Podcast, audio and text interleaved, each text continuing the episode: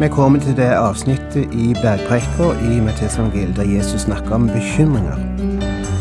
Og Blant annet bruker han bildet med fuglene i lufta, som vi kjenner så godt. Se på fuglene i lufta. De sår ikke, de høster ikke. De samler ikke hus, men Herren fører dem likevel. Derfor har jeg kalt dagens program, som er det første av to om bekymringer, jeg har kalt Se på fuglene.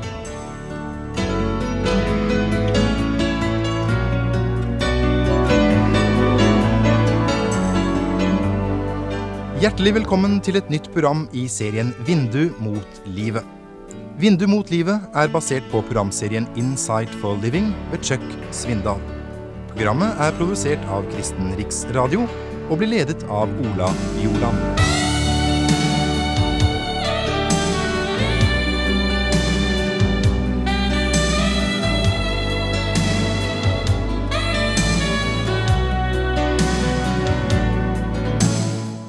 I løpet av dagen møter jeg en del mennesker.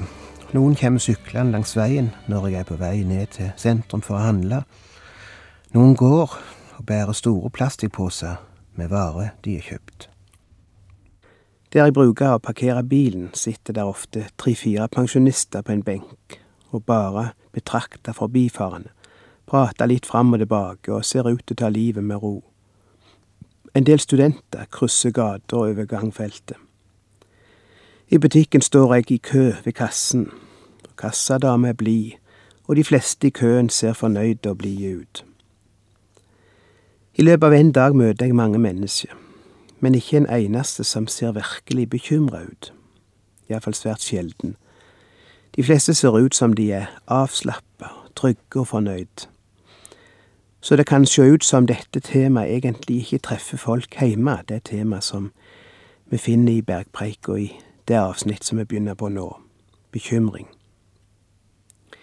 Men du vet, til lenger jeg lever, til mer oppdager jeg at hvis vi kunne sjå djupt inn i menneska sitt innerste, hvis vi kunne sjå gjennom maska og inn i tanker og sinn, inn i de skjulte rom, så ville vi nok hos nesten hver eneste menneske finne en bekymring eller to, ja, kanskje ti. For vi har lært å gå med maske, vi har lært å smile og le og late som ingenting.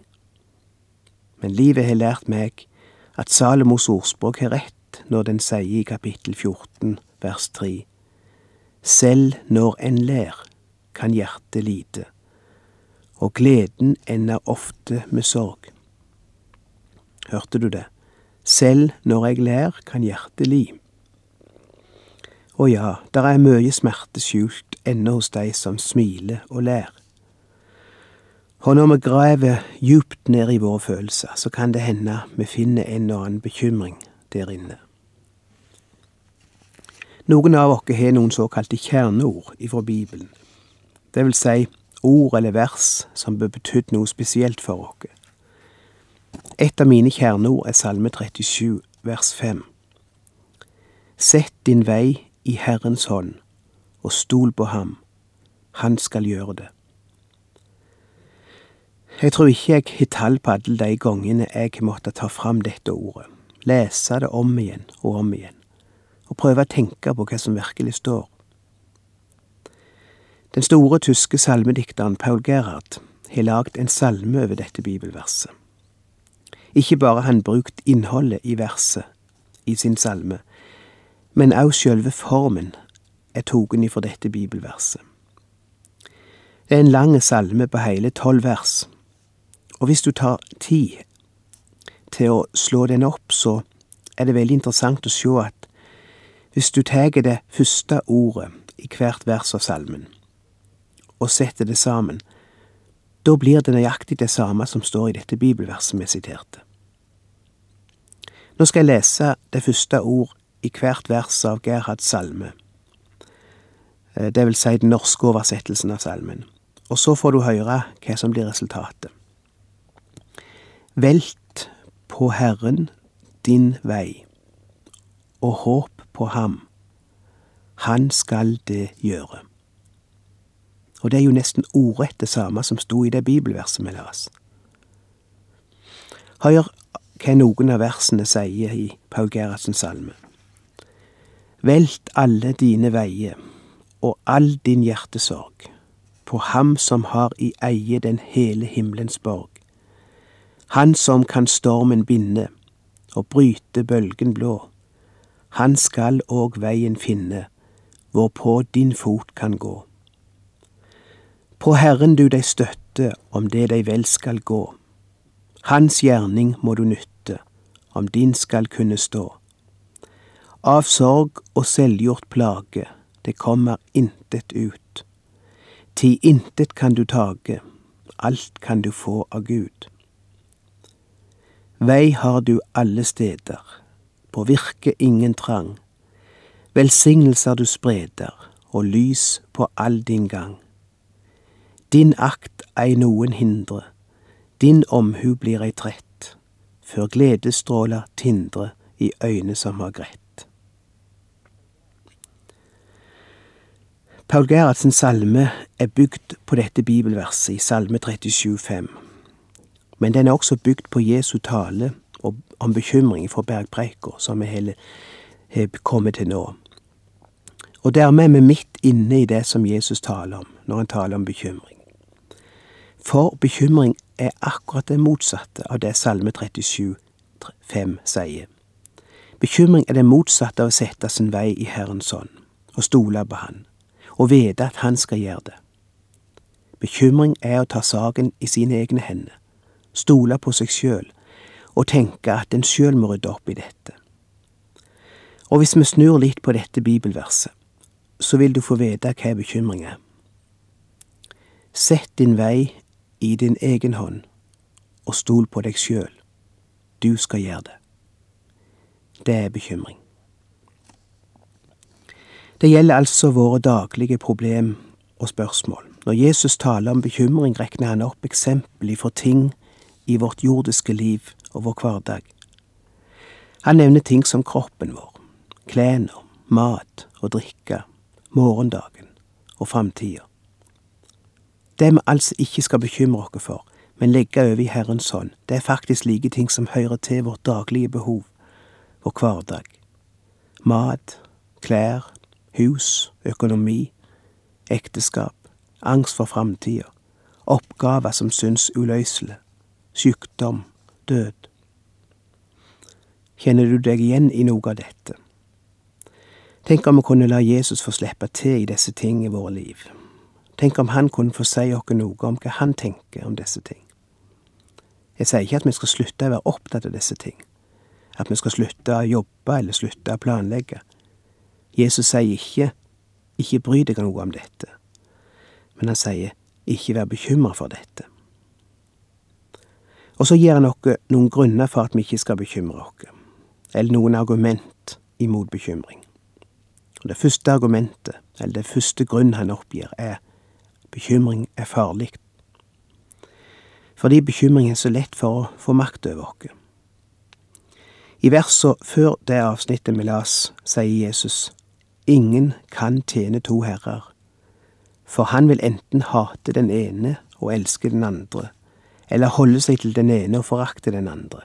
Dere kan ikke tjene både Gud og mammon. Bekymring er altså farlig, for den får så lett makt over vårt sinn og vårt liv. Bekymringen drar hjertet vårt og sinnet vårt, og konsentrasjonen og oppmerksomheten, hen imot det som en bekymrer seg for slik at Gud mister vår oppmerksomhet.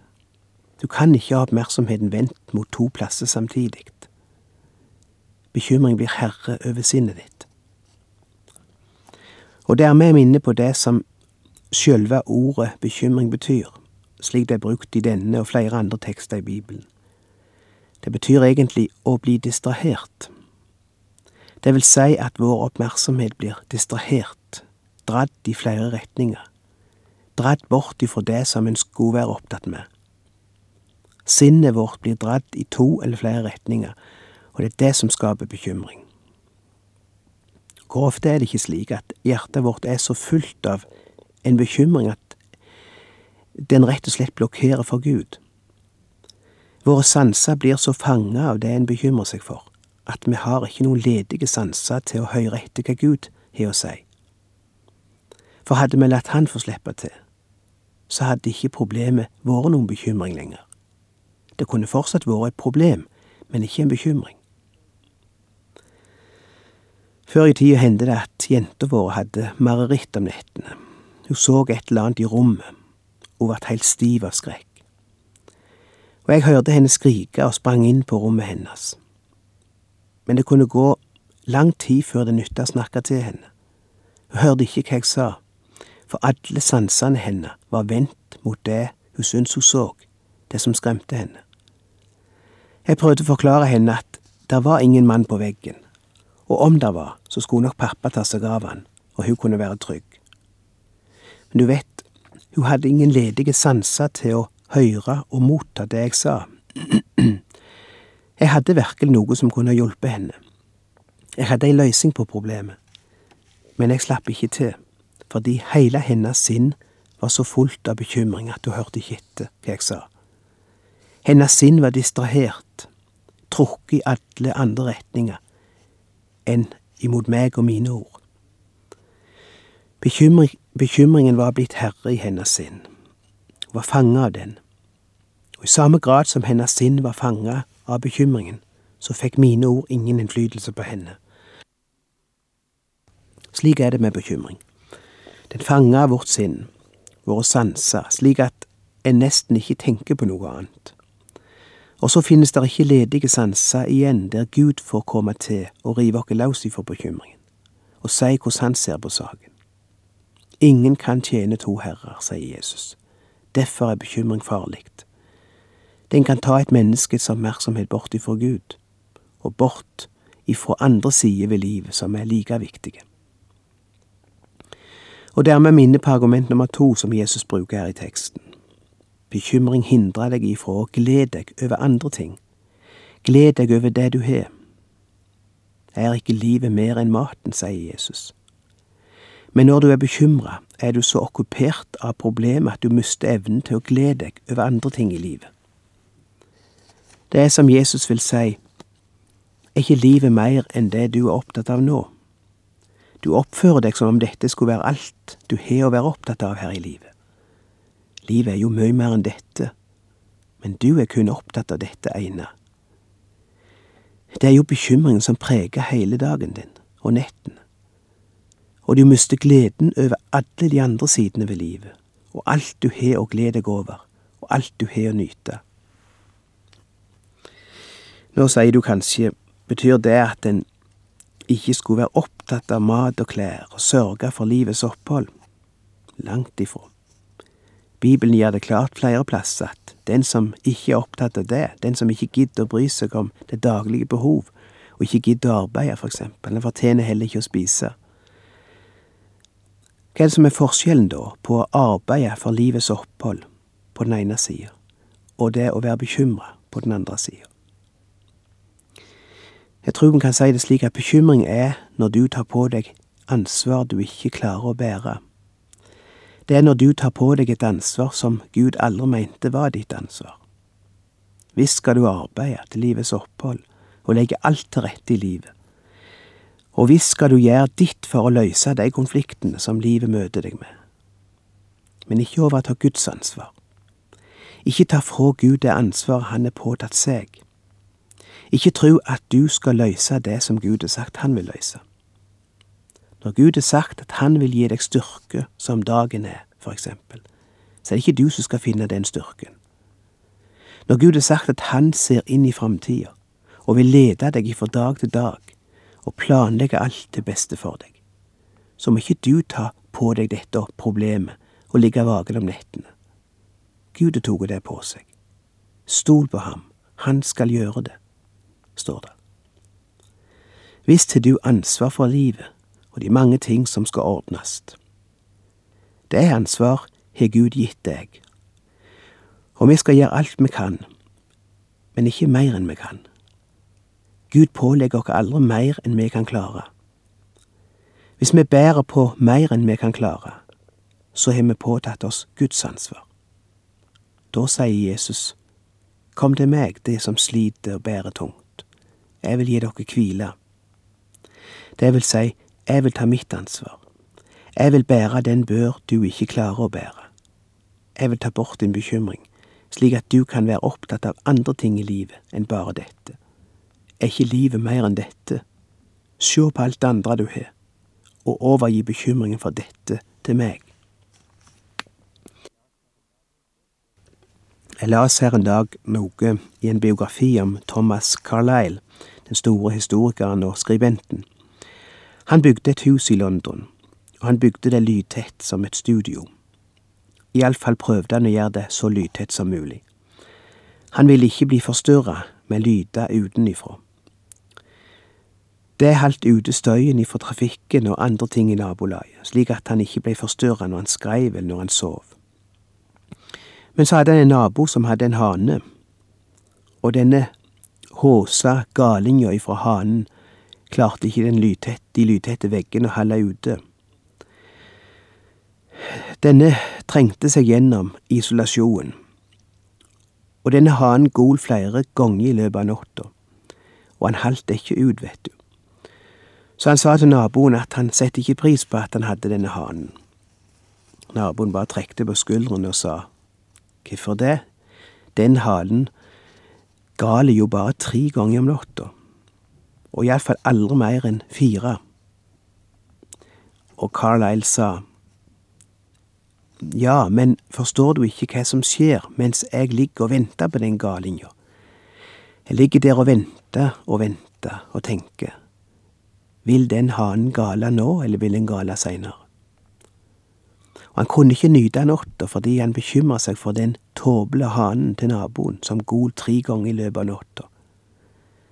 Tanken på de få sekundene galinga varte, holdt han våken heile natta.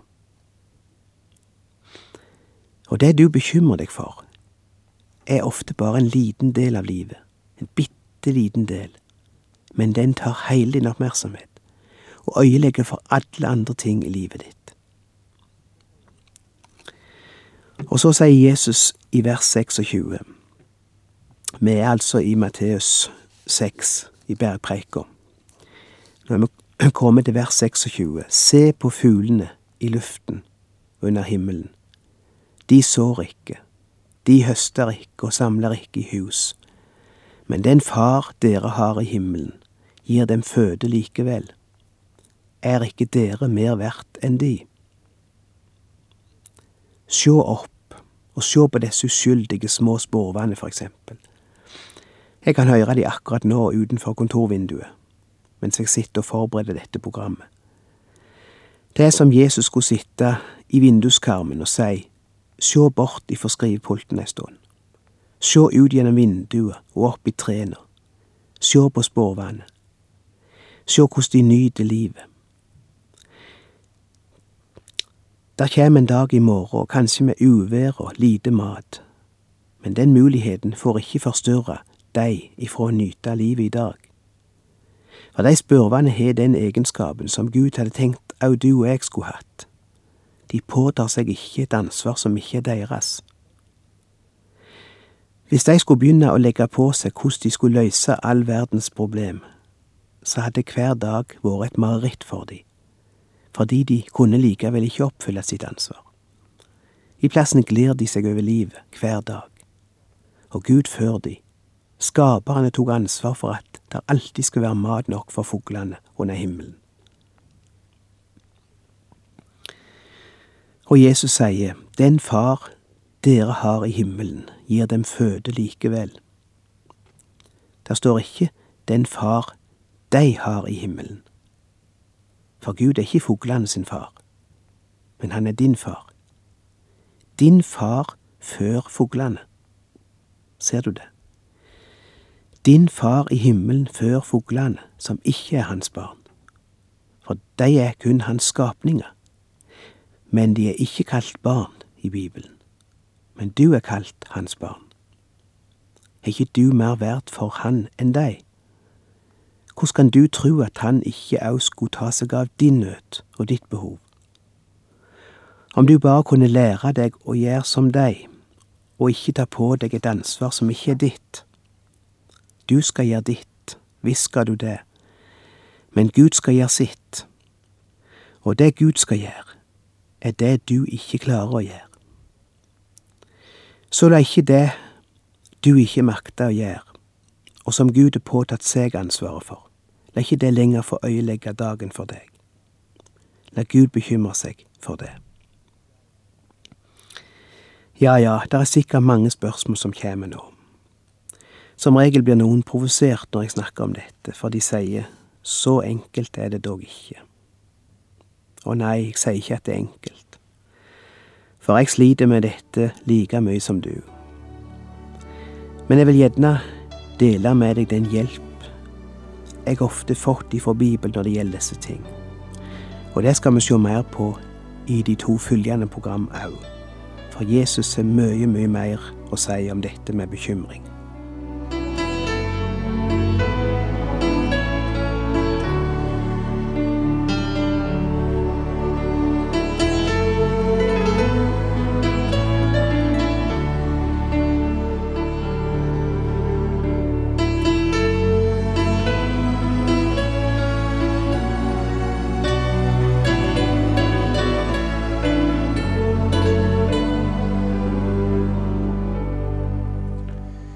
Du har lytta til Ola Bjoland i serien 'Vindu mot livet' fra Kristen Riksradios arkiv. Ola Bjoland var ansatt i Kristen Riksradio til han døde i 2002.